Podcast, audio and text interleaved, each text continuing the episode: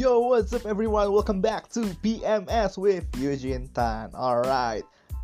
Before we start, I just want to say thank you buat teman-teman semua yang udah bantuin gue buat isi question box di Instagram pada tahun 2020 dan thank you juga sekali lagi buat teman-teman yang udah selalu setia nemenin gue di tahun 2020 and yes, This is gonna be the very first episode of PMS di tahun 2021. But before we go deeper, gue harus announce something bahwa mulai episode kedua, PMS akan ganti nama jadi podcastan. Kenapa bisa ganti? Gue akan jelasin lagi. So, banyak banget pergantian, banyak banget pemikiran yang udah gue tetapin. Dan yes, you see the new logo. Itu adalah logo terbaru dari PMS atau bisa disebut dengan podcastan karena kita udah masuk season baru guys kita harus meninggalkan yang lama kita harus berpindah yang baru tapi tenang aja meskipun namanya ganti lah meskipun logonya ganti lah inti dari podcast ini tetap sama yaitu kita akan sebisa mungkin share our best value buat kalian semua. So, without any further ado, let's start the podcast.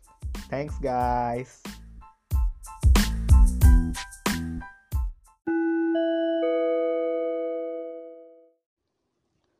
Perhatian, perhatian. Pintu teater 3 telah dibuka. Kepada para pendengar setia dari PMS, dipersilahkan untuk memasuki ruangan teater.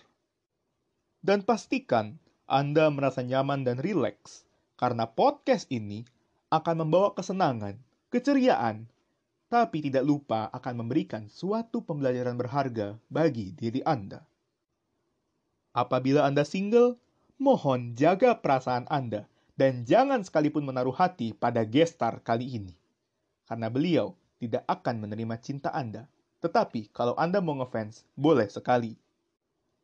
Apabila Anda tidak single, mohon jaga perasaan pasangan Anda dan jaga komitmen kesetiaan pacaran Anda.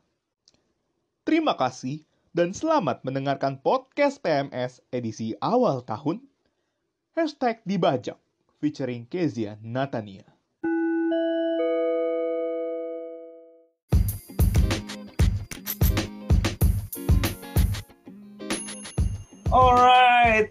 Sekarang gue lagi sama Kezia Natania. Halo. Yo. Yo, Cak, uh, please introduce yourself. Kayak supaya para pendengar tuh kayak kan mereka tuh sebelumnya tuh selalu dengar suara gue, atau enggak suara gue yang dibuat-buat yang kayak alter ego of me. Sekarang tiba-tiba muncul kayak cewek, gila nih orang siapa? Ini ini gue introduce diri gue nih sekarang. I- iya, masa tahun depan. Oh ya, oke. Hai yang dengerin podcastnya Eugene sekarang. Gue Kezia Natania. Eh apa ya? Umur gue 18, gue sedang kuliah dan kerja. Em, udah itu aja. Oke, so ini kayaknya podcast isinya bakal ketawa semua deh karena karena gua sama KJ itu baru ketemu secara online. Kita bahkan belum pernah ketemu secara offline, guys. Jadi Tuh. eh, kita belum sepenuhnya tahu kayak kita itu gimana, tapi ya udahlah. We are trying supaya ya bisa deliver. Karena gua kebetulan kemarin, kenapa tiba-tiba gue bisa kepikiran buat ngajak KJ buat collab ini? Karena kemarin gue nonton YouTube dia pas sebelum tahun baru gue lagi sempet istirahat terus gue lihat YouTube terus tiba muncul di suggestions di home screen YouTube gue terus lihat Q&A 20 eh, gue lupa deh 2017 atau 2018 deh dari YouTube lo terus I gue think it's 20, 2018 kayaknya Jadi- deh. I think 2017 I wasn't really on YouTube yet. ah I see nah jadi tahun 2018 terus gue lihat dan gue kepikiran oh iya gimana kalau gue buat Q&A buat the very first episode of this podcast so Keja Tania ketemu kita ketemu di platform called Bridge itu from our church JPCCF Eh, gue udah sempet cerita Hah? Kenapa? Iya betul. Ini kita nge-recordnya gara-gara pakai Zoom. Jadi, guys, kalau misalnya ke depannya kalian denger akan ada kayak lagging lah, ada suara nabrak lah, or anything yang mungkin akan kayak buat receive please uh, do, apa ya tolong dimengerti sedikit karena kita pakai zoom buat nge-record kayak gue bener-bener nggak bisa ketemu orang secara online. So without any Wifi, ya, wifi Eugene pengen gue bom tau gak? asli deh gue kalau gua kalau sama lu ya bahkan kalau kita lagi call WA aja suara lu tuh putus-putus men sebenarnya oh masa? Sampai sekarang putus gak suaranya? enggak kalau zoom kebetulan nggak putus karena gue nempatin laptop gue di tempat yang lebih tinggi Oh oke. jadi bahkan kalau call WA pun sama dia ada putus-putusnya gitu guys jadi gue kadang tuh harus kayak berpikir keras menafsirkan dia ngomong apa Eh, Mohon maaf ya, wifi lu sih Jin. iya sih Wifi wifi gue gue sih laki-laki aja. karena itu gimana ya karena nggak enak gue nggak enak buat minta dia ngomong ulang lagi. Karena contoh dia udah ngomong satu sentence nih panjang. Jadi buat lagi ada A, A, A, B, C, D, E, F, G. Terus udah sampai akhir tiba-tiba di tengahnya tuh agak-agak kepotong. Kan gue nggak mungkin eh gimana? Sorry tolong ulang. Ya moodnya orang hancur dong. Jadi gue berusaha menafsirkan kayak Males lah, males. kan? Coba kalau gue minta ulang dia udah malas sama gue dia udah pasti kayak ah udahlah bete gila nelfon sama Eugene. But anyway kita akan langsung so in this collaboration ya jadi kita akan buat Q&A session. Pertanyaannya udah teman-teman udah lu pada tanyain semua di Instagram gue dan kalau misalnya kalian belum follow Instagramnya Kezia Natania your Instagram apa? Isi Natania. at kezia.natania oke itu ya. Jangan lupa Natanianya pakai H. Oke anyway. Eh, makasih loh Jin, gue gak minta padahal. ya udah Oke, so guys, kita akan langsung masuk ke pertanyaan. So, kita udah milih beberapa pertanyaan yang masuk dan eh, emang muncul pertanyaan-pertanyaan yang konyol gitu. Jadi, kita akan menjawab pertanyaan yang cukup waras dan cukup em, general aja. Tapi, even though general, kita bisa bawain jawaban yang deep buat kalian semua. Anjay. Alright. So, pertanyaan pertama. Pertanyaannya ini dari punya Darlene. So, the question is, buat kalian berdua, what is your first impression on each other? Dan how is that different dari dulu? Jadi, sekarang, kan kita udah kenal berapa sih? 6 bulan, 7 bulan gitu kan? Dan kita Ih, kan lama udah- banget, enggak lagi, gak selama itu. Ah? Emang iya kan kita kenal, Nggak selama itu. kenal berapa sih? Juli kan? Hmm, Wait. Eh, 5 ya? Five. Nggak. agak selama itu. Enggak, enggak, enggak. Gue halu. Wait. um, Iya, makanya. uh, intinya inti intinya pertanyaan inti dari pertanyaannya itu kan kayak apa yang beda kayak semenjak kayak pas baru kenal sama sekarang gitu Yeah. kan but- yes. that's the question right? Right, right. jadi oke I'll start first ya Ya, ya.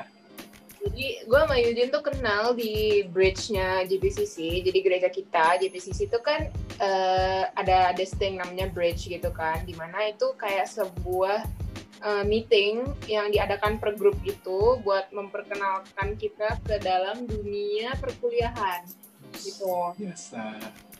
basically itu kayak sebuah ya benar kayak namanya bridge kayak jembatan gitu antara SMA dan kuliah. Kayak sebelum kita masuk ke eh, kuliah kita masuk bridge dulu gitu. Yap. Jadi basically kita ketemu di bridge sama orang-orang lain juga. Ada teman-teman kita kayak Kenji, Hai Kenji kalau lu nonton ini dan mentor kita Kak Edberg, Hai juga Kak.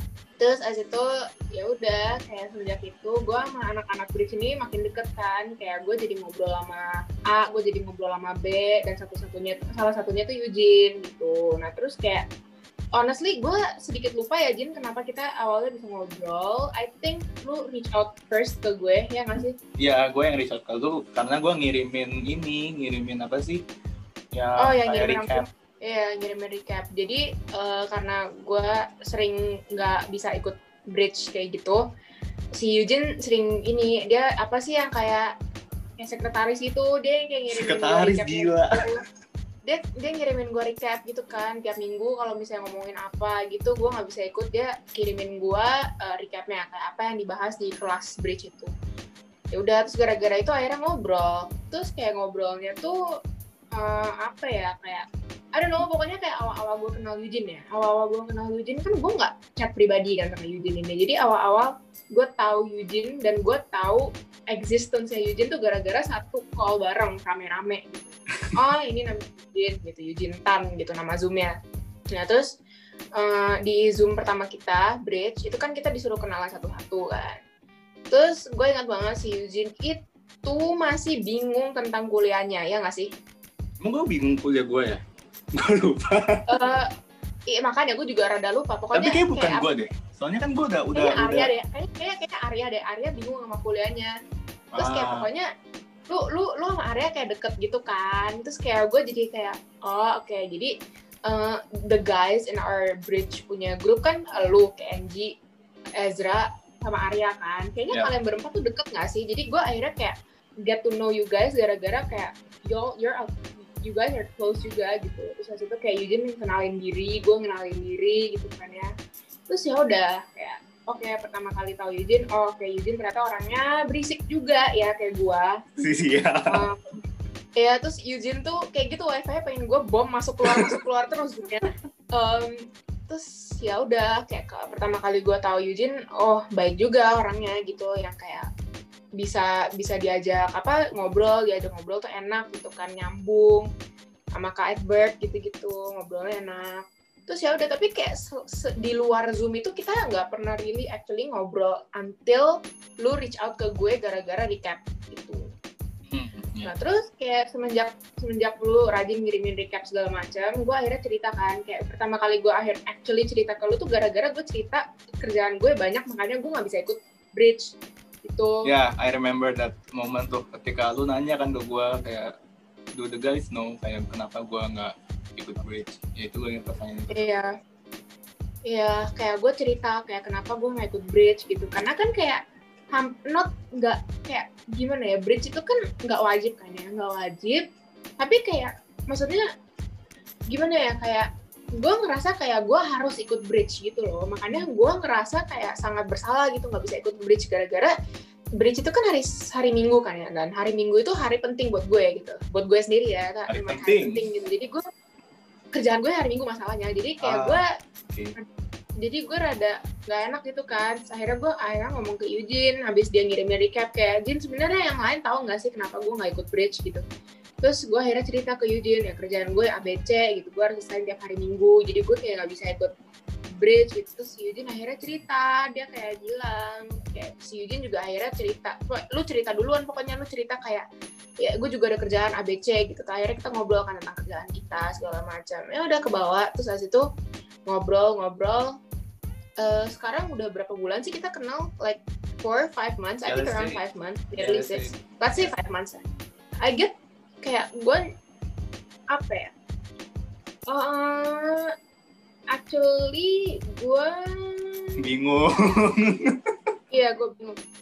Dibilang Eugene tuh beda sama awal tahu sama sampai sama sekarang tuh kayaknya Eugene tuh nggak ada bedanya sama sekali kenapa gue bisa bilang itu? Karena dari awal Eugene ngobrol sama gue dan sampai sekarang pun Eugene tuh orang yang diligent banget loh. Yang kayak gue kadang salut sih sama lo uh, Jin. Gara-gara kayak kita kan berdua sama-sama sibuk kan ya. Even kita aja kenal gara-gara kita berdua tuh punya kesibukan masing-masing ya kan? Make sense yeah. kan?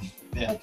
nah gue tuh kadang-kadang di dalam bidang kerjaan gue gue tuh kadang yang stres yang sampai gue take a few days off baru gue nyala kayak gue on lagi baterainya. Oh Yudin tuh tiap hari baterainya on terus kayak nggak ada mati-matinya gitu loh baterainya. Makanya gue tuh kayak apa ya pokoknya one word yang describe Eugene itu persistent sih menurut gue. Iya, dan itu tuh gue bawa sampai sekarang. Jadi pertama gue kenal Eugene sampai hari ini detik ini juga di mana podcast ini direkam Eugene itu nggak nggak pernah yang namanya nggak persistent gitu loh. Kayak gue shock sih sama your your ini apa namanya dedication buat kerja kayak gitu oh gue gue tuh rada-rada lega sama rada-rada bahagia dengarnya karena tau gak sih gue tuh dari kemarin tuh udah mikir kan pas gue baca tanya ini wah gawat tuh hmm. bakal ngomong apa tentang gue ya is, is, is my answer disappointing? No, right? Enggak, enggak, enggak, enggak, enggak. Ya gila, enggak lah. gue bahkan tidak menyangka akan keluar kalimat diligent dan persistence dari mulut lu. Oke, okay. gantian. okay. so kalau gue first impression gue lihat Kezia gue kayak sama sih sebenarnya gue lihat kayak oh ada orang namanya Kezia Natania tapi sebenarnya sebelum pasti. Hah? Jutek pasti gue. Enggak, gue gak ngomong gitu. Enggak, gue gak akan ngomong gitu. Bisa. Karena, karena iya seriusan. Karena sebelum kita ketemu di bridge itu, gue tuh sudah sebenarnya udah udah ngeh ada do you know? Jadi dua tahun lalu, eh, dua tahun Oke. di mana kita pertama kali ketemu bridge, oke, itu posisinya lagi pulang dari youth camp. Youth camp. Ah, oh iya youth camp. Gue nggak. I don't even know you pas youth camp. Nah, Lu tau gue dari mana? ya kenapa gue bisa tahu lu? Karena lu duduk sebelahnya Rio. Oh, Hairi. gue inget gue inget lu duduk sebelah Rio kan and then lu cerita karena kan gue orangnya tuh gimana ya sometimes in our group gue kan suka kayak ngeceng-ngecengin cowok-cowok juga lo kayak cie lo dekat sama ini ya cie kayak gitu loh Hmm. terus pas gue wah Rio nih gila nih dapet juga lu akhirnya kan gitu gue liatin kayak tapi gue nggak mengenal nama lu tuh kayak Cia Natania gue cuma inget muka lu gitu Hari, if you're listening to this, nggak kok, gue, oke guys, gue Mario nggak ada apa-apa, dan gue sama Eugene juga nggak ada apa-apa guys. Teman, teman. nangnya jadi buat kalian-kalian yang ya buat kalian-kalian cowok-cowok yang emang mau deketin Keja silakan sih. Eh, ini Ih nggak mau. Oke guys, berarti dilarang nggak nggak boleh kalian. Jangan DM jangan tiba-tiba DM DM dia terus minta PDKT ya. Oke, jadi gue lihat tapi gue nggak gue nggak tahu nama, tapi gue inget muka lu gitu. Hmm. Karena muka lu entah kenapa di otak gue terekam, eh bukan terekam kayak gimana ya? Eh, Keren banget, oke, direkam. let's just say long lasting gue nggak nggak lupa gue nggak nggak akan lupa muka itu gitu loh even kalau misalnya gue Oh. lupa gue pasti akan inget familiar pernah ketemu di mana muka orang ini gitu nah karena gimana ya dua tahun yang lalu ketika gue lihat pertama kali muka lu oke. Ini dua tahun yang lalu. Pertama kali ketika gue lihat muka lu dua tahun yang lalu gue kayak Aisyah tuh masuk kayak oke nih cewek lucu juga mukanya gitu. Gue gue jujur gue ngomong apa adanya. Dan dari cara lu ngomong ke Rio gue bisa tuh kayak lu tuh ngomongnya tuh serius banget gitu. Jadi kayak you do take things ngomong apa coba ke Rio? Gue nggak even inget. Gue nggak tahu men. Itu lu yang inget gue tapi gue inget lu ngomong itu kayak serius banget. Dari awal pulang sampai bener-bener turun dari bus tuh gue inget lu tuh kayak serius dan Rio kayak dengerin. Ya ya kayak gitu loh. Gue inget banget. Hmm. terus setelah youth camp itu gue udah melupakan muka dia. Gue kayak nggak inget lagi ada orang untuk sebelah Rio atau gimana. Gue udah nggak inget sampai kayak tiba-tiba baru tuh di bridge. Hmm. di bridge pas gue denger ada kisian tadi gue kayak oh oke gitu kayak just oke gitu kan. Nah pas muka lu nongol gue langsung inget oh ini muka yang duduk di sebelah Rio pas youth camp dua tahun yang lalu. Gila bisa ketemu di bridge. Itu kayak sebuah hal yang yang gimana how to say unexpected. Terus ya udah gua kan waktu itu lu ada nggak sih ya waktu kita main game itu yang di bridge itu yang apa hal yang kamu suka dan hal yang kamu nggak suka gitu lu ada nggak sih? ada kan? Lu Ada. waktu jawab waktu jawab apa ya? Karena gua lupa lu jawab apa. Tapi tapi yang satu hal yang gua langsung nangkap dari lu adalah lu itu orangnya pekerja keras. Itu yang gua langsung nangkap dari cara lu ngomong dari cara lu bicara dan all of the stuff yang lu jawab dari pertanyaannya Kite Bird. Itu yang gua langsung nangkep sih. Hmm. Terus knowing her knowing Kezia kayak semakin berjalan sampai hari ini. Gua gua nggak bisa muluk-muluk sih gua nggak bisa bohong sih. Ada ups and downs gitu loh. Kayak dalam dalam gua mengenal itu ada ups and downs gitu.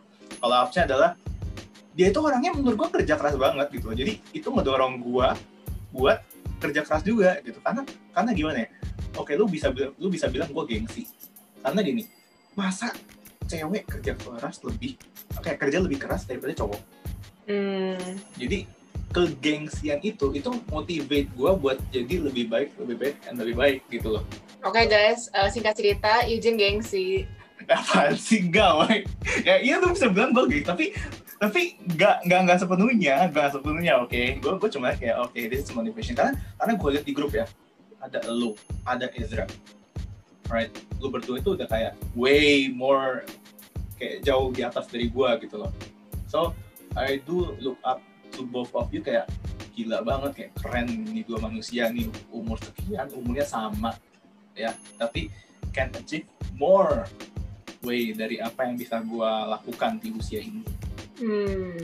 karena gila. Lah lihat lu lu lu buka toko slime and then lu bikin YouTube yang YouTube kan maintainnya ribet banget tapi lu bisa maintain seminggu sekali and then wah gila sih gila sih gue lihat kayak ini, ini orang sih gila ya. Hebat. And then knowing her maju maju maju well lu mau hal positif atau hal negatif dulu? Eh tapi nggak usah hal negatif lah nggak enak lah jelekin sama orang gitu. Jadi gue lupa ngomong apa mana.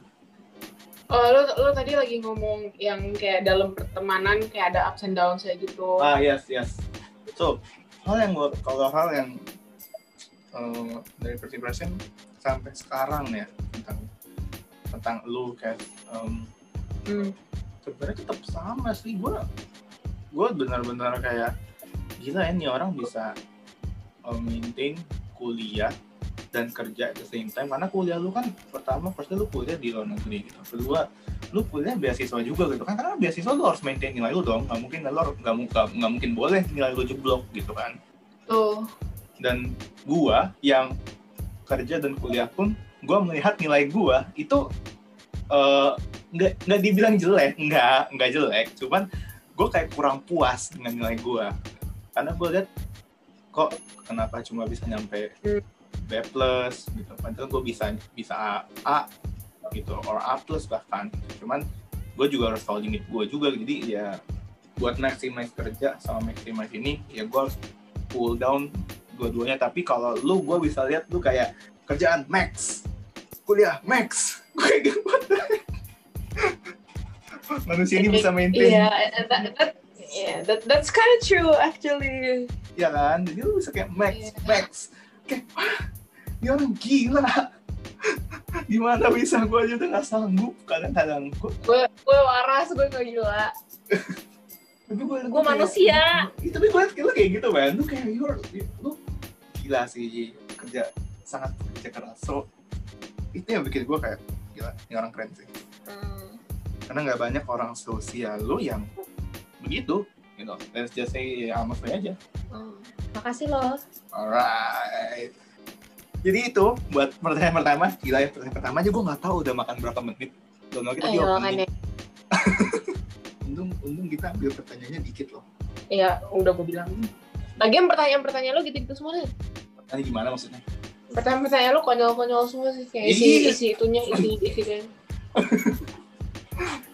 Ini tiba-tiba ada yang nanya eh, pipip for pipip gitu kan aneh gitu kan. Jadi gue kayak, oke, so let's go to the next question. So ada yang nanya, how to be confident like you gitu. Karena kan lu bikin YouTube, and then lu buka juga toko slime maksudnya dengan lu tampil di depan kamera dan lu dengan percaya dirinya bisa yakin gila sih kayak nggak setiap orang bisa ngomong di depan kamera dan melakukan penjualan online tuh dengan semaksimal dan sesukses itu gitu.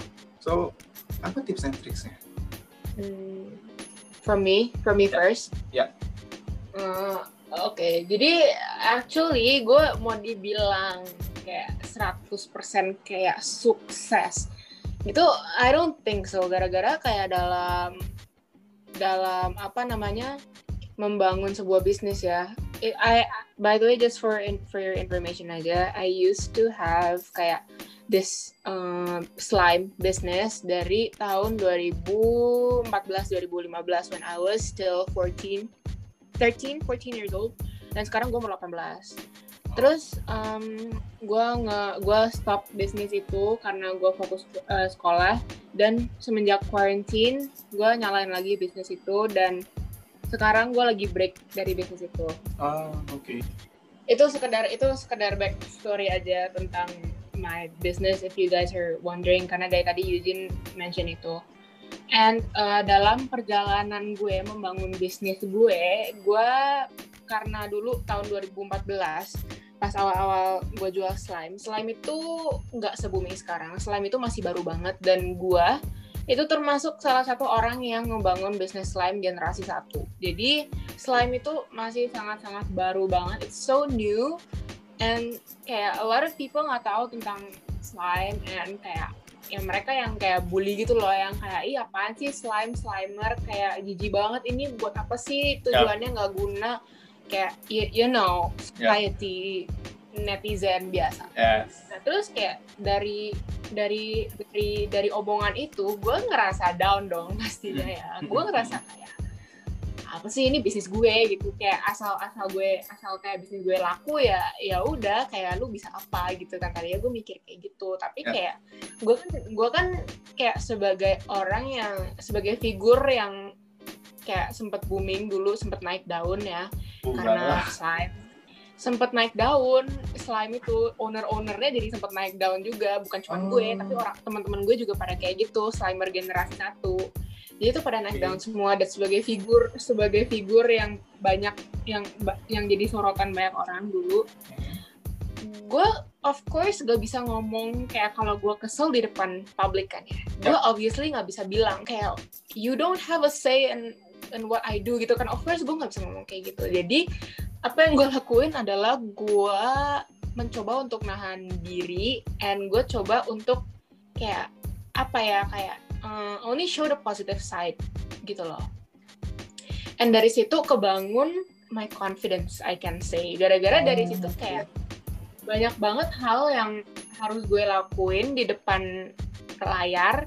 Tapi of course gue nggak bisa ngeluarin perasaan gue yang kesel sebenarnya. Jadi apa yang gue keluarin itu hal-hal yang positif dan itu ke bawah sampai detik ini juga gitu loh. Oh, see. jadi kan?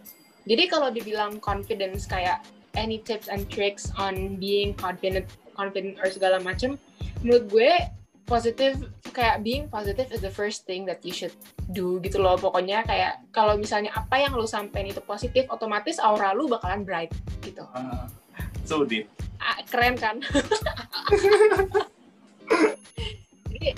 ya as I was saying earlier kayak gara-gara gue uh, bukannya mau menampilkan sisi yang fake ya ke orang-orang tapi gue menampilkan sisi yang lebih positif daripada gue marah-marah di depan kamera ngerti kan? Yeah, yeah. mendingan gue bilang mendingan mendingan gue bilang kayak eh, dari dari slime ini gue bisa A B C D E. Gue masih SMP tapi gue udah bisa menghasilkan duit sendiri. Gue udah nggak dapat allowance dari orang tua.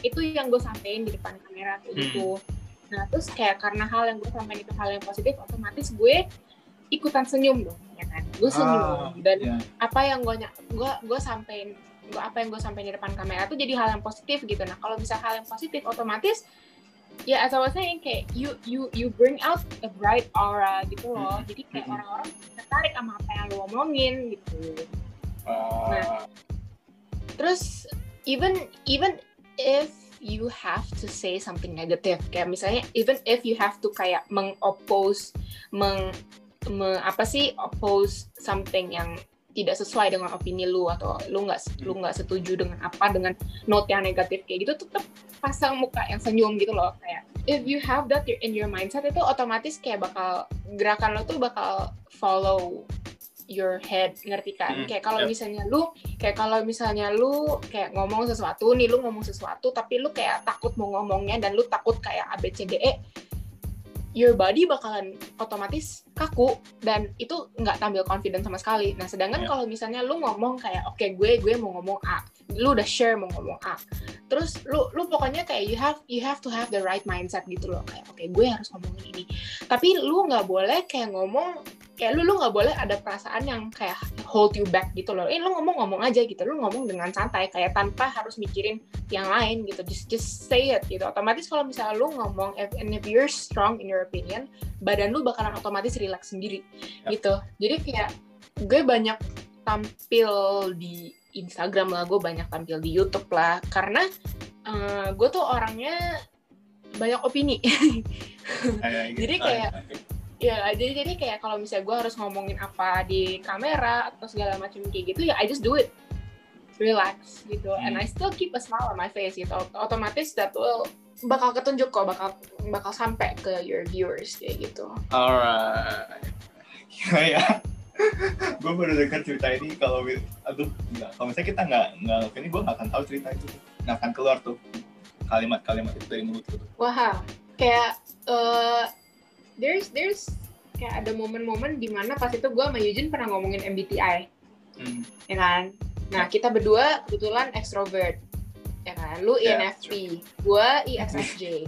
inget dong Sama-sama ingat, gue demen topik MBTI guys. Gue kita uh, gue sama Eugene sama-sama extrovert, tapi little did you guys know dulu gue anaknya introvert. Nah, sebelum gue mulai si perselaiman ini, sebelum gue mulai bisnis ini, sebelum gue mulai tampil di YouTube, sebelum gue mulai punya Instagram dan tampil di Instagram segala macam, gue adalah seorang anak yang nggak pernah membicarakan kayak my head. Itu itu yang bikin gue, eh, ini nih gue nggak bilang semua introvert jelek ya, tapi itu yang ada di mindset gue, yang ada di mindset gue itu gue minder, gue inferior gitu. Ah. Tapi setelah setelah gue dibanting sama omongan orang-orang yang kayak bilang yang yang apa sih yang bilang slime inilah ABC lah gitu Ya. gue jadi bisa mengeluarkan opini gue gitu karena gue emang itu sebuah keharusan kan untuk ngeluarin opini itu menurut Ya. gue karena kayak kayak lu lu siapa buat mengganggu kedamaian gue? Gitu loh ngerti oh kan? bro.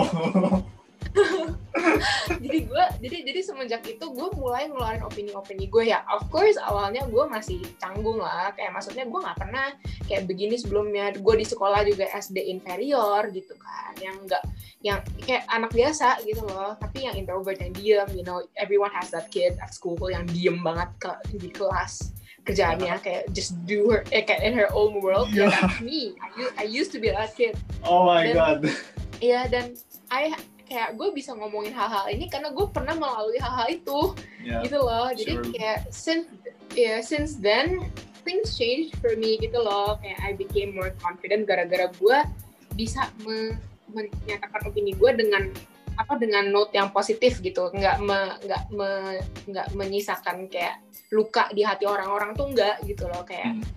and things in a good term gitu. Dan I think that's how I gain my confidence deh. Ya Oh. gara-gara kayak akhirnya orang-orang bisa ngelihat kayak sisi positif dari apa yang gue lakuin gitu. Ngerti nggak yes. That's yeah that's that's what I have to say. Nah, ya. gue nggak bisa ngebayangin seorang Kizia yang katanya introvert ketika masih SD dan duduk diem. Gue nggak Iya kan? bisa ngebayangin sih. Iya kan Iya kan even dari dari lu ngelihat gue dari pertama kalinya gue yang kameranya mute eh apa sih yang zoomnya mute pun gue nggak bisa diam kayak I, I don't look like someone yang kal maksudnya kayak gue nggak ngerti ya kayak kenapa orang-orang tuh mikir pas pertama kali lihat gue karena muka gue RBF aka resting bitch face Oh, orang tuh mikir gue ya orang tuh mikirnya gue kalem galak Ya. dan kayak nggak banyak ngomong gitu. But actually gue tuh anaknya nggak kayak gitu sama sekali guys. It's because of my muka settingan muka doang yang kayak gini. Gue tuh anaknya nggak bisa diam sama sekali. And I think dari tadi yang lebih banyak ngomong gue daripada Eugene padahal Eugene FYI ya, tapi gue gue ingat banget woy, ketika eh, ketika gue lagi state something di bridge. Kan kayak bro tuh nanya sesuatu cuman gue lupa. And then gue state something. Gue inget banget dari sekian orang yang ngangguk-ngangguk lu tuh yang kayak Iya, oh ini, ini, ini jawabannya, ini yang sama kayak gue, ini dia nih. Gue ngeliat kayak, oh, oke, oke. gue gue nggak kayak gitu juga Jin oh my god Tapi gue inget gila, ini lu kayak sampai nunjuk-nunjuk ke layar, gue inget banget, men. Oke, hmm, hmm, hmm, hmm, hmm. Kayak- gue kayak astaga, oke, ada orang seaktif ini. iya gue anaknya aktif guys Tapi seriusan asli, gue gue baru tahu lu SD introvert itu karena Yeah, It, it, it was it was a huge jump for me juga gara-gara gue mulai slime tuh SMP kelas 7 oh, Jadi kayak dari SD ke SMP da- dari waktu yang sedikit yang sangat pendek, gue harus merubah gue merubah itu semua gitu loh. hmm. dan kan perubahan itu kan gak gampang lah, nggak mungkin gampang. Emang ini lu Iya, pasti akan face many struggles gitu kan.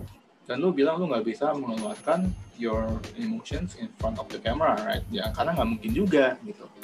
Hmm. So, ha, ha, gimana cara lu buang semua hal negatif itu? Apakah lu pendem, or because of the positivity akhirnya bisa menghapus negativity itu?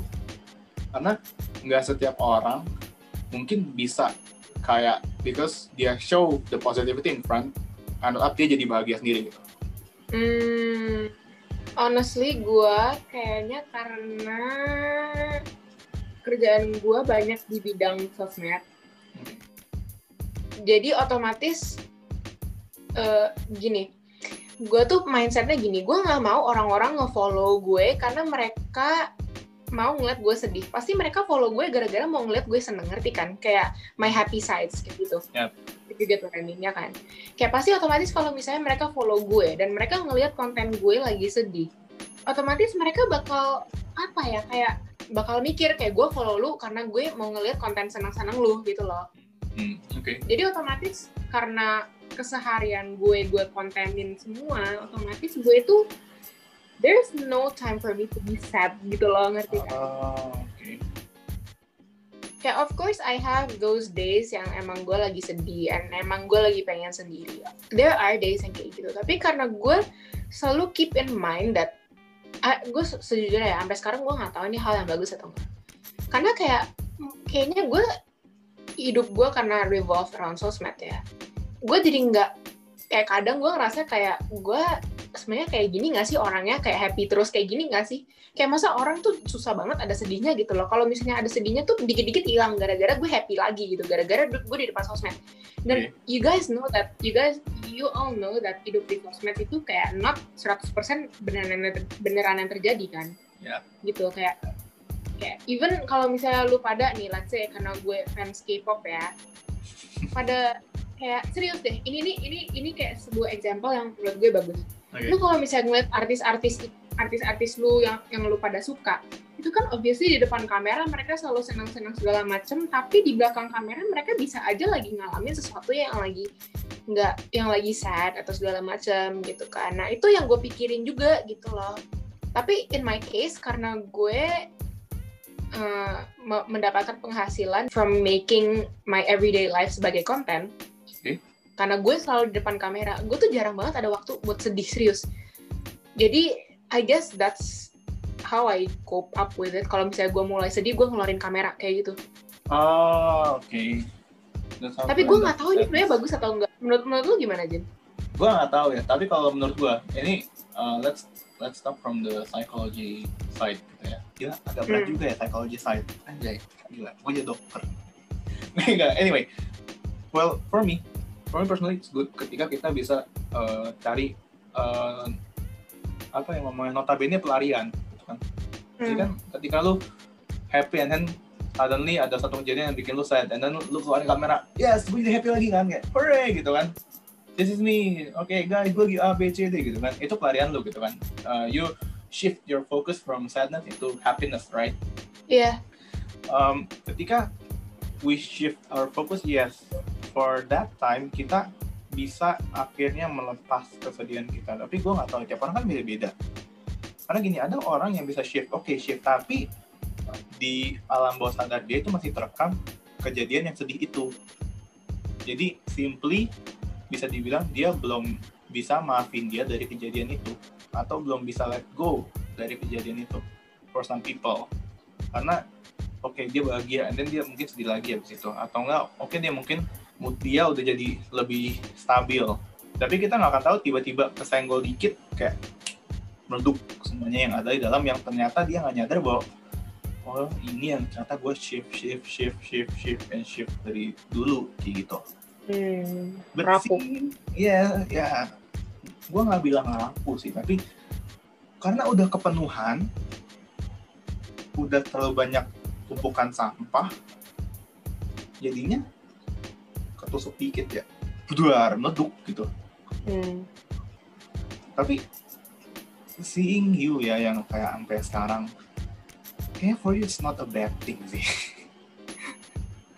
Aku tahu. Ya, karena karena karena gimana ya I tend to forget about things quickly Oh, Gitu. that's yeah, oke. gue anaknya nggak dendaman jadi ya whenever I keluarin kamera ya Hmm. apa apa pun yang gue lagi pikirin hilang otomatis Wonder. Berarti ini juga balik lagi ke kepribadian orang guys. Kalau misalnya kalian orang cepet lupa gitu ya udah. I guess it's a good thing. Tapi kalau misalnya kalian orang yang mungkin suka nyimpen iya, suka nyimpen dalam hati gitu kan. Kayak gua gua gua kadang-kadang tuh nyimpen dalam hati juga sebenarnya. Jadi uh, Hmm. gua gua butuh waktu buat let go gitu. Gua nggak akan nyimpan itu, tapi gua akan nyimpen untuk sementara karena gua harus kayak lu tau gak sih kayak recycling gue proses dulu di otak gue gue harus pelan pelan letting this go gitu kayak sampai akhirnya bisa jadi sampah yang mungkin bisa gue buang gitu. Gila ini dari dari how to be confident akhirnya jadi apa? Is it a good or bad thing? Ketika kita shift our focus tapi lumayan lah buat konten. konten.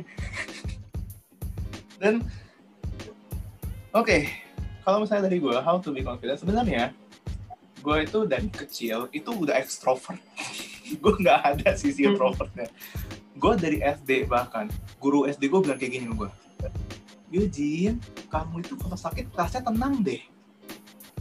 Kalau kamu masuk kelasnya pasti ribut. Ada kamu tuh ribut apa apa ribut kelas. Jadi gue kayak oke apakah gue pembawa bencana ketika gue SD loh terus sampai akhirnya gue di SMP SMP tuh menurut gue salah satu titik gelap sih Romi. Kenapa gue bilang? Karena di situ gue belajar yang namanya tentang eh, geng. Gue tahu di situ ada yang namanya geng. Terus di situ gue eh, sempet garing. Lu tahu Jayus right? Hmm. jadi dulu itu karena gini karena di S- SD gue suka berada di depan orang. Karena emang dari kecil gue emang udah, udah demen gitu men. Itu udah kayak DNA gue dari kecil gitu kan. Jadi gue suka demen di depan orang SD gue juga demen SMP ke bawah. Nah gue coba kan. Gue ngelawak eh nggak gak lucu kan. Nggak lucu gila. Oh abis gila gue dicaci maki. Oh ini Om Jayu gila gue di label Om Jayus gila. How how is that? Kayak nggak bisa ruin your mind gitu loh kayak gila gue dinapain oh gue masih muda gue masih SMP gitu kan. Sampai akhirnya kelas 7 berakhir gue coba kelas 8 kelas 8 gue kayak bertekad kayak aduh masih gue kelas 7 nangis gue kelas 8 harus bisa dong harus bisa gitu. Gue coba gue coba oke perlahan-lahan sabi bisa bisa sampai kelas 9 oke gue udah bisa nih gue udah kayak bisa dengan cenglinya santai ngomong depan orang kayak oke teman-teman gue juga santai. Tapi di kelas 9 itu ternyata gue baru belajar juga kita tuh nggak bisa bikin semua orang suka sama kita. Hmm. gila sih itu itu gue baru nyadar karena eh, ada satu ketika gue emang membuat sebuah kesalahan. Jadi sebenarnya gue pindah tempat duduk gue ditempatin di belakang. Tapi karena gue gak suka duduk di belakang gue benci duduk di belakang men. Gue nggak bisa ke papan tulis. Karena gue kayak nggak bisa fokus. Kalau gue di belakang gue pasti ngobrol gitu. Hmm. jadi intention gue gue mau pindah ke depan karena gue mau belajar gitu. Cuman guru gue melihat ini sebagai pelanggaran. So uh, dia kesel dia bete keluar kelas banting itu bubrak gitu kan. Nah gue diminta Jin itu selalu oke gue terima. Gue minta temen gue satu gue temen gue dong ke bawah gitu ya udah temenin. Gue berdua nih ke bawah. Terus gue bilang bu maaf ya bu. Ah, gitu. Terus ibunya mungkin dengan masih agak bete ya udah udah kamu naik ke atas deh nanti saya nyusul gitu. Sampai ke atas kan teman-teman gue pada nanya dong gimana Jin? Gimana Jin? Gue belum sempat ngomong temen gue satu udah nyerocos ibu gurunya nggak mau ngajarin kita lagi. Gila gue kan panik men. Gue dengar tuh panik gue marah kayak lu gila apa orang yang bilang, bilang mau nyusul kok tadi? Gitu kan gue kayak karena karena at that time gue ngerasa gue lagi di under pressure gitu loh. Hmm. jadi gue disentil dikit ya itu senggol bacok gitu kan. Nah sampai tiba-tiba ada orang temen gue sekelas datang kayak malah ngebody body gue satu orang ini. Lu pikir lu hebat lu pikir lu hebat. Wah gila itu gue naik pedang gue gue tonjok. Langsung habis itu berantem. Loh. berantem gila. Gue sampai marah-marah men. Di situ gila sih. Gue marah-marah satu angkatan tuh denger gue marah-marah di depan orang itu sampai guru-guru kayak kamu kok berantem? Berantem sana ke lapangan katanya. Wah gila. Gue udah ngomong kayak gitu ya gue bisa cuman ya udahlah daripada nanti buka buka nyokap gue dipanggil ke sekolah kan ribet gitu kan. Mager gue ntar denger ini kan mereka ngoceh-ngoceh. Eh sorry ya kalau buka kalau mam kalau denger ini jangan marah. Gawat kalau mereka denger ini. Oke eh, terus di situ gue belajar ternyata ternyata di atas panggung tuh nggak selamanya orang akan suka sama kita cuman kita bisa shift our focus gimana kita bisa bi- bisa ya fokus sama orang-orang yang demen aja sama kita gitu Hmm. Nah sampai akhirnya gue kelas 10 di JPCC, JPCC ada interns, ada uh, volunteer gitu. Jadi buat teman-teman yang nggak tahu apa itu interns, apa itu volunteer, jadi di JPCC Youth di gereja kita itu memberi kesempatan buat anak-anak SMA untuk melakukan pelayanan. Pelayanannya tuh macam-macam, bisa lu mau jadi MC, bisa jadi creative team, bisa jadi praise and worship team, lu bisa jadi prayer team, lu bisa yang kayak usher, yang nyambut tiap pagi, hello, what's up, how are you, kayak gitu. Nah, gua, gua, guys, gua dulu awalnya, gua tuh awalnya mau milih jadi usher, karena karena gue mikir bahwa, oke, okay, gue suka ketemu sama orang, gue pengen ngobrol sama orang, tapi anehnya kayak kepala gue, kayak my head and my heart told me kayak stop, jangan agree, gitu, jangan agree dulu, coba aja iseng lihat yang lain dulu, gitu. Jadi gue scroll, gue scroll, gue lihat yang lain, terus gue lihat um, di creative team. Oke, gue pencet creative team. And then ada MC di situ. Gue langsung kayak, oh my god. Itu, itu lu, itu lu banget. You're right. Gue kayak, oh my god, this is this is all me. Pencet, bam, gitu kan, langsung. Terus um, akhirnya gue diterima, gue diterima, gue dimasukin ke grup MC. And then dia bilang, guys, kita hari ini hari sekian ada pelatihan bareng Daniel Mananta ya. And at that time gue nggak tahu siapa itu Daniel Mananta. Gila. Hmm. Padahal itu orang udah booming banget gitu. Kayak gue masih anak bocah yang kayak, ah, Daniel Mananta siapa? Padahal kelas 10 kan gitu. Terus pas gue nyampe kayak, oh Daniel Mananta ini, oh my god, wah gitu heboh. Teman-teman gue juga heboh kan ngeliat Instagram gue, ngeliat Instagramnya VJ Daniel, ngeliat ada gue gitu kan. Hmm. Dan di, tapi anyway, di situ adalah salah satu momen pertama di mana gue benar-benar belajar how to be confident di depan orang. Karena ketika gue lihat VJ Daniel dia masuk, dia masuk ke ruangan aja men. Itu gue udah ngerasa auranya kayak gila nih orang, kayak gitu loh. Iya. Yeah. Jadinya itu mendorong gue buat jadi kayak dia. Dan dia sharing, ya yes, dulu dulu gue pernah jadi MC di sini di sini tapi you know what is the the, the worst feeling yang bla bla gitu dia cerita dan di situ akhirnya intinya dia bilang bahwa ya kalau misalnya lu emang mau jadi MC ya make sure lu, lu welcome semua orang jangan lu mau jadi MC karena lu mau dilihat orang gitu. Dan di situ lu main ngubah mindset gue juga karena di awalnya gue mau jadi MC karena gue pengen dinotis sama banyak orang. Gue pengen orang tahu nih ada anak bocah namanya Eugene tapi ternyata setelah itu gue baru nyadar iya juga ya. Dan gue mikir kalau misalnya gue di posisi orang yang datang ke suatu event tapi ngapain? Gue cuma duduk di pojokan diem nggak ikut the hype of the show. Buat apa? Itu itu sedih banget menurut gue itu waste of time. Mendingan lu di rumah nonton Netflix or do anything you want gitu. Daripada lu datang tapi lu nggak ngapa-ngapain gitu. Jadi hmm. itu motivate gue buat lebih dorong diri gue lagi.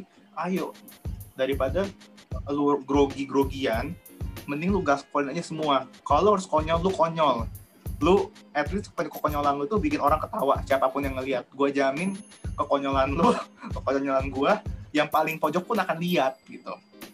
Dan mungkin dia akan tertawa hmm. karena kekonyolan itu jadinya di situ gue belajar how to be confident dan over time kan ya thank God sih gue bilang kayak selalu ada panggung di mana buat gue berlatih gitu loh. Iya. Yep. Gue panggung di sini, oke. Okay. Jadi gue pelan belajar buat confident dari awalnya gue seusia kita semua seusia lu tiba-tiba gue dikasih yang seusia lima tahun lebih tua empat tahun lebih tua sampai akhirnya gue pernah dengan yang usianya berapa ya usianya udah tiga lima empat puluh. Kayak sampai setua itu gitu kan. Jadi di situ kayak how we bikin confident. Jadi sebenarnya kalau misalnya kalian mau nanya what is the tips and tricks? Ya menurut gua adalah kalian cari panggung kalian sendiri guys.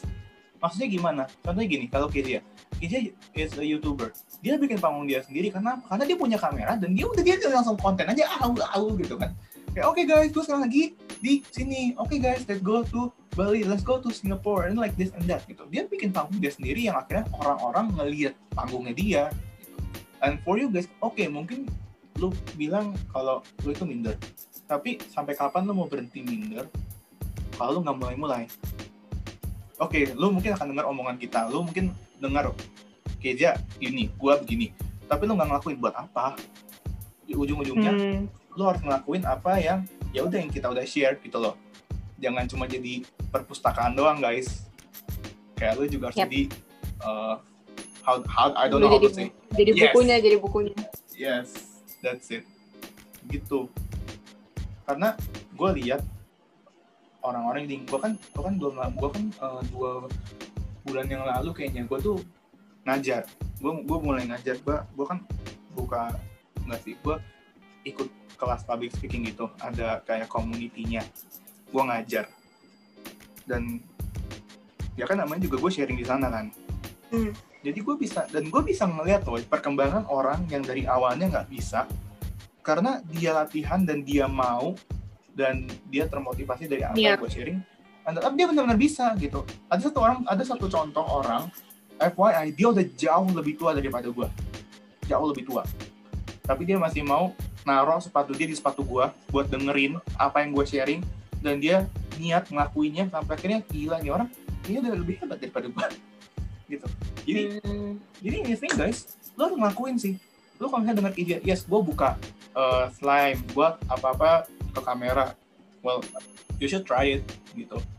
Mungkin lo nggak akan gimana kasarnya? Setiap orang punya keunikannya masing-masing. Lo nggak akan bisa jadi kayak Kezia kayak Kezia tapi lo bisa ngikutin cara yang dia lakuin. Siapa tahu itu Hmm. suits sama lo gitu. tuh lumayan panjang. Gue lumayan panjang juga gue ngomong. Kenapa gue kayak bersakut ngerti. Jadi you ya, you have this thing called you have this thing called an editing application. Jadi yang penting-penting aja yang masuk. Tau gak sih kalau ngedit Itu tuh? tadi tadi tadi semuanya penting aja. Iya kan, makanya. Gue juga mikir, gue bagi. Kadang gini, ketika gue mau ngedit sesuatu ya, gue tuh Hmm. suka mikir bagian mana yang gak penting. Karena gue lihat semuanya penting. tapi tapi yang yang balik lagi dengan pertanyaan itulah kayak ada ada juga beberapa hal yang tadi gue omongin yang gak gitu nyambung kata aja Ya tapi that's okay. Itu sebenarnya kalau Hmm. main itu bisa jadi pelajaran buat teman-teman, right? oke Kayak out of topic little, tapi ada dagingnya yang bisa diambil. anjay Anjay, bro. So, anyway, gila. Gue nggak tahu ini udah berapa menit, ya. Tapi ngapa ngapa ngapa sampai sebenarnya gue itu uh, possible lebih demen kayak ya udah senaturalnya jadi orang-orang yang dengar podcast ini tahu emang seluk beluk bikin podcast tuh begini. Tapi nanti gue akan di hmm. beberapa part tenang aja. Karena nggak Hmm. mungkin juga kan. Nggak mungkin juga kita masukin semua orang-orang ya itulah nanti takut kepanjangan juga gimana? Karena podcast usually satu jam. Hmm. Satu jam itu yang kayak longest karena kalau liat podcastnya di Kobusher itu satu jam satu jam satu jam. Lu nonton gak sih? Nonton. Nonton. Lo denger juga? Hmm. which part do you like? Gue gue gue gue nggak rajin nonton tapi gue Ah. nonton yang pas dia sama Cinderella. Lo tau kan yang Marcella Ah. Febrian itu? Gue nonton aja.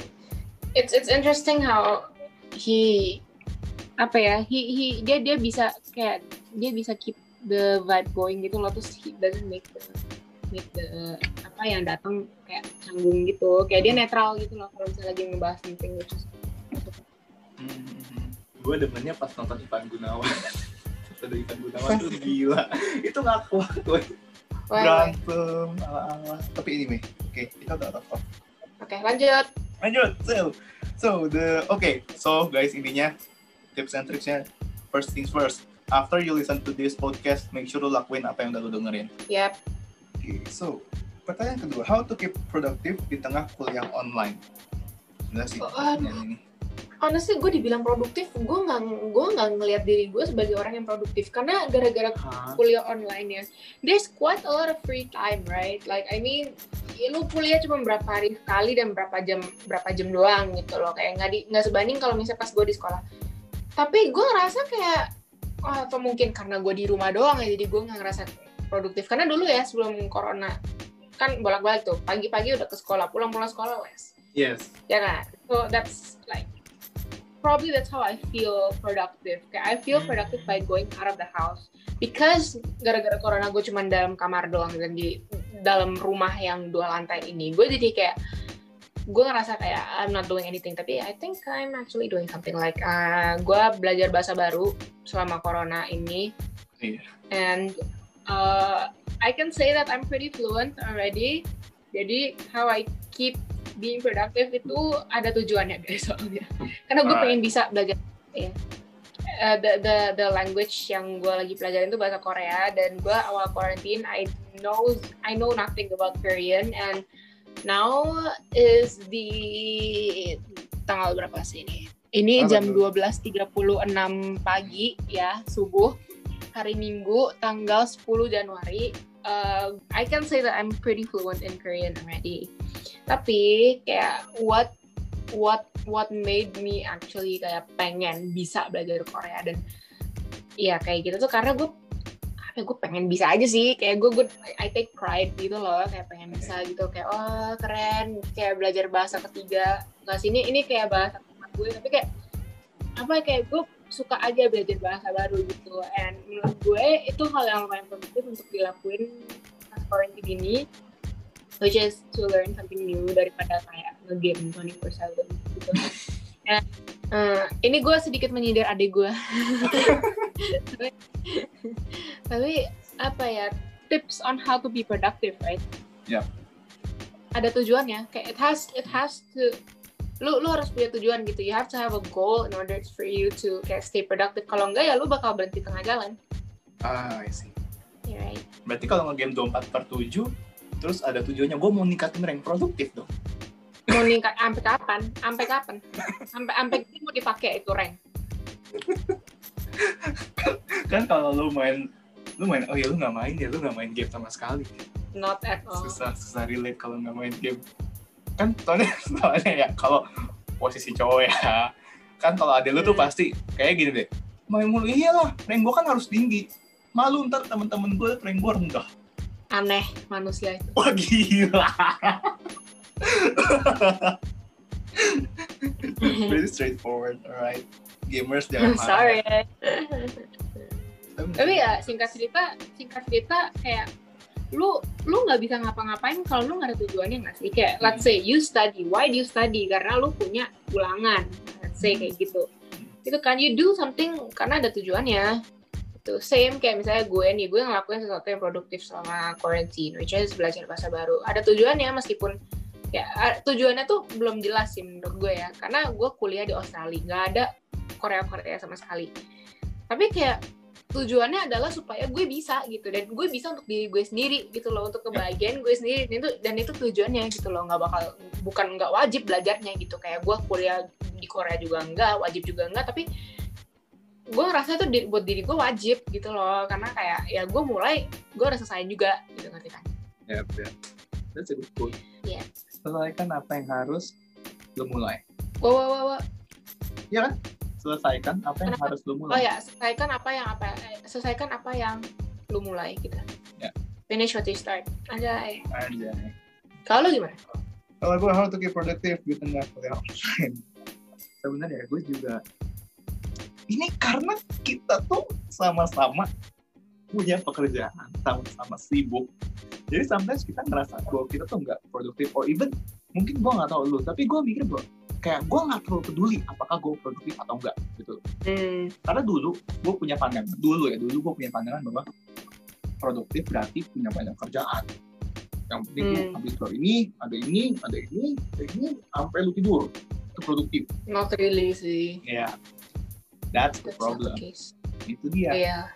That's my problem tuh dulu. Sampai akhirnya gue dikasih tahu kan sama Edward. Eh, oh, definitely Edward itu our mentor. So, ya. Jadi kalau lu mendengar ini, eh, enggak, enggak boleh ngomong lu. Kalau misalnya kakak denger ini, gila, pasti bangga banget. Oke, tapi anyway, Edward bilang, eh, dia dia dia ngomong gini ke gue. Ini ini juga sih yang mau gue sampein ke lu. Setelah sekian lama waktu itu. Dia ngomong kayak gini. ehm, jadi dulu dia pernah baca satu buku kalau misalnya kamu emang mau benar-benar produktif dan nggak overwork dengan your thing lo harus hitung tujuh peran dalam hidup lo maksimal tujuh peran kalau lebih dari itu berarti lo nggak bisa produktif secara maksimal dan bahkan lo nggak tahu apakah produktif atau enggak Hmm. Basically being productive kayak cara menilai produk produktifan atau enggak itu by your by your mental state tau. Kayak not the outcome and not kayak seberapa pekerjaan seberapa sibuknya lu gitu. Yep. Karena kayak percuma lu sibuk tapi lu nggak outcome gitu kan ya. hmm. It's basically kayak being productive is your mental state gitu loh. Kayak do you feel productive? Like do you are you doing something good? Ngerti kan? Yep. Kayak you're not wasting time DLL gitu. Kayak being productive kayak even rest aja tuh ter- termasuk produktif tau guys tapi kayak not too much gitu ngerti kan kayak Mhm. moderate Yeah. that's productive basically Alright, so right now kita akan masuk ke pertanyaan ketiga. Eh, no. Pertanyaan keempat. That, uh, this is the last questions karena kayaknya udah makan hampir satu jam juga. So, ya. Yeah. Pertanyaannya adalah, what is the greatest achievement? What is your greatest achievement in 2020? you you start deh you start Alright, so simply uh, kalau kalau lu teman-teman lihat my bio Instagram, yes, gua berhasil mendapatkan nominasi posisi top 6 podcast on RCTI Plus. Itu menurut gua suatu achievement yang gede karena at that time gua harus um, bersaing dengan sekitar 150 podcast yang ada di RCTI Plus. Itu was not easy, tapi thank God kayak suddenly bisa tiba-tiba angkanya naik gue juga bingung tapi gue yakin itu bisa naik gara-gara gue bawa konten tentang Jessica J so podcast gue yang di RCTI Plus itu talking about um, influencers gitu. Kayak lu mau jadi influencers ya lu harus tahu apa yang lu tanggung gitu. So I guess itu sih. Well, well, how about you?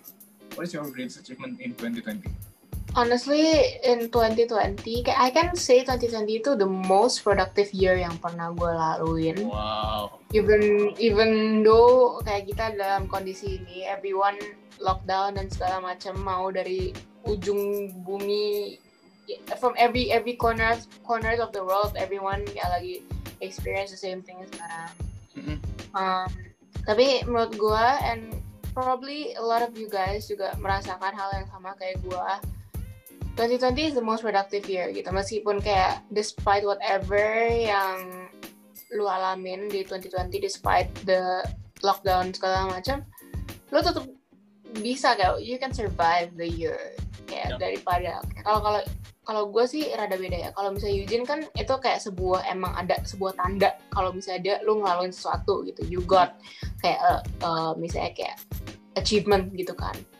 Tapi kalau misalnya gue 20 tu- dalam tahun 2020 menurut gue achievementnya itu this is the year yang gue paling last year was the year yang gue paling bahagia. And that's an achievement for me. Wow oke ya gue gue ngerasa kayak the happiest I've been itu in 2020 karena kayak I started 2020 itu bener-bener gue ada di state yang jelek banget. Pokoknya I started off the year very bad gitu guys. And I ended the year kayak gue ngerasa kayak um, I know what I need in life and I know what I don't gitu loh. Jadi kayak tahun 2020 itu sangat tahun yang plot twist buat gue. Oh, um, and gue malah bersyukur for this lockdown gue nggak komplain sama sekali karena because of this lockdown I got to makin dewasa Hmm, gitu I ya. learned a lot of things gitu jadi dibandingin achievement yang physical gue lebih ke yang kayak gitu yang Mentally. bermoral ya bermoral Iya. alright. Uh, but like other than that, probably progress gue dalam belajar bahasa Korea. I started the year not knowing anything. Gue mau belajar bahasa Korea juga enggak awal tahun dan gue akhir tahun gue berhasil ngomong sama teman-teman gue yang di Oh, wow gila nonton video gue yang di Bandung guys. Itu satu video Korea semua bahasanya. Iya gila gue nonton video lu kayak oke this is fun. You watch you you watched it right? Iya gue nonton lah men. Orang gue komen masa gue nggak nonton. Yo yo. That's that sih kayak ya ya ya udah gitu. Yeah. Oke akhirnya guys so yes uh, mostly that is the end of our podcast. Jadi emang ya ketawa-ketawa iya ngomongin ups and downs ya TikTok juga ada guys. Make sure kalian kalau bisa catat-catat kalau misalnya kalian emang mau praktekin praktekin and hopefully kita jawab pertanyaan kalian itu dan bisa membuat ka- how to say that word ya. Um, semoga jawaban kita membuat kalian puas itu intinya. Hmm. dan emang ada eh, sebenarnya gue melihat ini sebuah kayak ada sih emang em, pertanyaan-pertanyaan yang challenging yang kayak bisa bikin heboh. Tapi skip aja dulu ya untuk sekarang karena ya jangan dulu deh. Kita menghindari hal-hal yang tidak diinginkan. So that's all from us um, do you wanna state something Uh, gue gak tahu siapa yang lagi dengerin podcast ini sekarang, tapi gue berharap lu bahagia ya. I hope you're happy, seriusan.